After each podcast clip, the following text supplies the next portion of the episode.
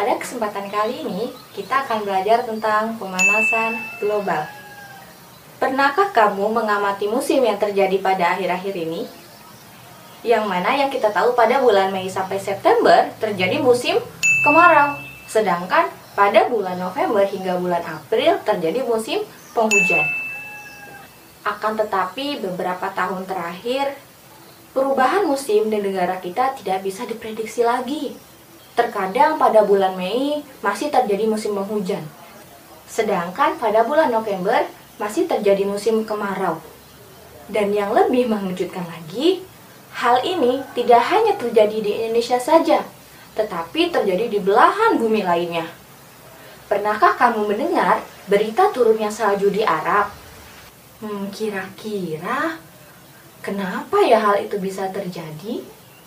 Aktivitas manusia selalu menghasilkan zat-zat buangan. Salah satunya adalah berupa gas. Sebagian orang berpikir bahwa atmosfer dapat menampung gas-gas secara tidak terbatas. Akan tetapi, saat ini diketahui bahwa gas-gas buangan tersebut dapat mempengaruhi perubahan iklim dan kesehatan bumi. Meningkatnya kadar karbon dioksida di atmosfer selama 150 tahun membuat para ilmuwan khawatir karena hal tersebut berkaitan erat dengan meningkatnya suhu global. Berdasarkan penelitian, saat ini, suhu permukaan bumi telah meningkat menjadi 0,6 derajat Celcius. Peningkatan inilah yang dinamakan dengan pemanasan global. Jadi, pemanasan global adalah istilah yang digunakan untuk menggambarkan peningkatan suhu rata-rata di atmosfer bumi dan lautan secara bertahap.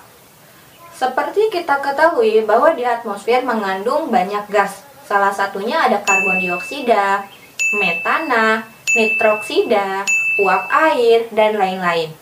Gas-gas tersebut dinamakan gas efek rumah kaca. Ada yang tahu apa itu efek rumah kaca? Efek rumah kaca adalah proses atmosfer menghangatkan bumi. Efek rumah kaca ini sangat bermanfaat bagi makhluk hidup.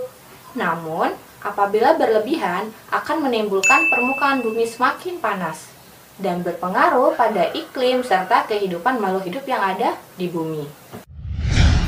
Gas karbon dioksida paling berperan dalam pemanasan global. Kenaikan kadar karbon dioksida di atmosfer disebabkan oleh aktivitas manusia. Kira-kira apa saja ya aktivitasnya?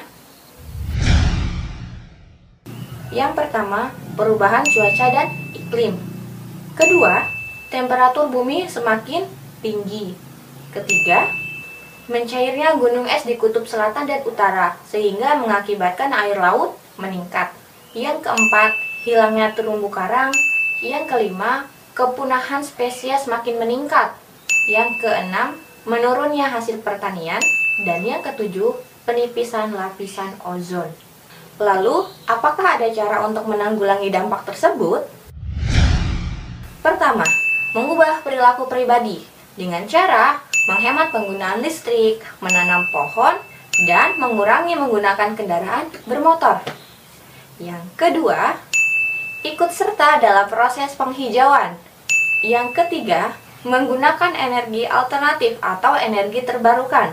Nomor empat, mengurangi penggunaan CFC atau mengurangi penggunaan kulkas dan AC. 5.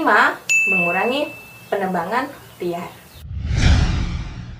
Oke, sampai sini saja ya video kita kali ini.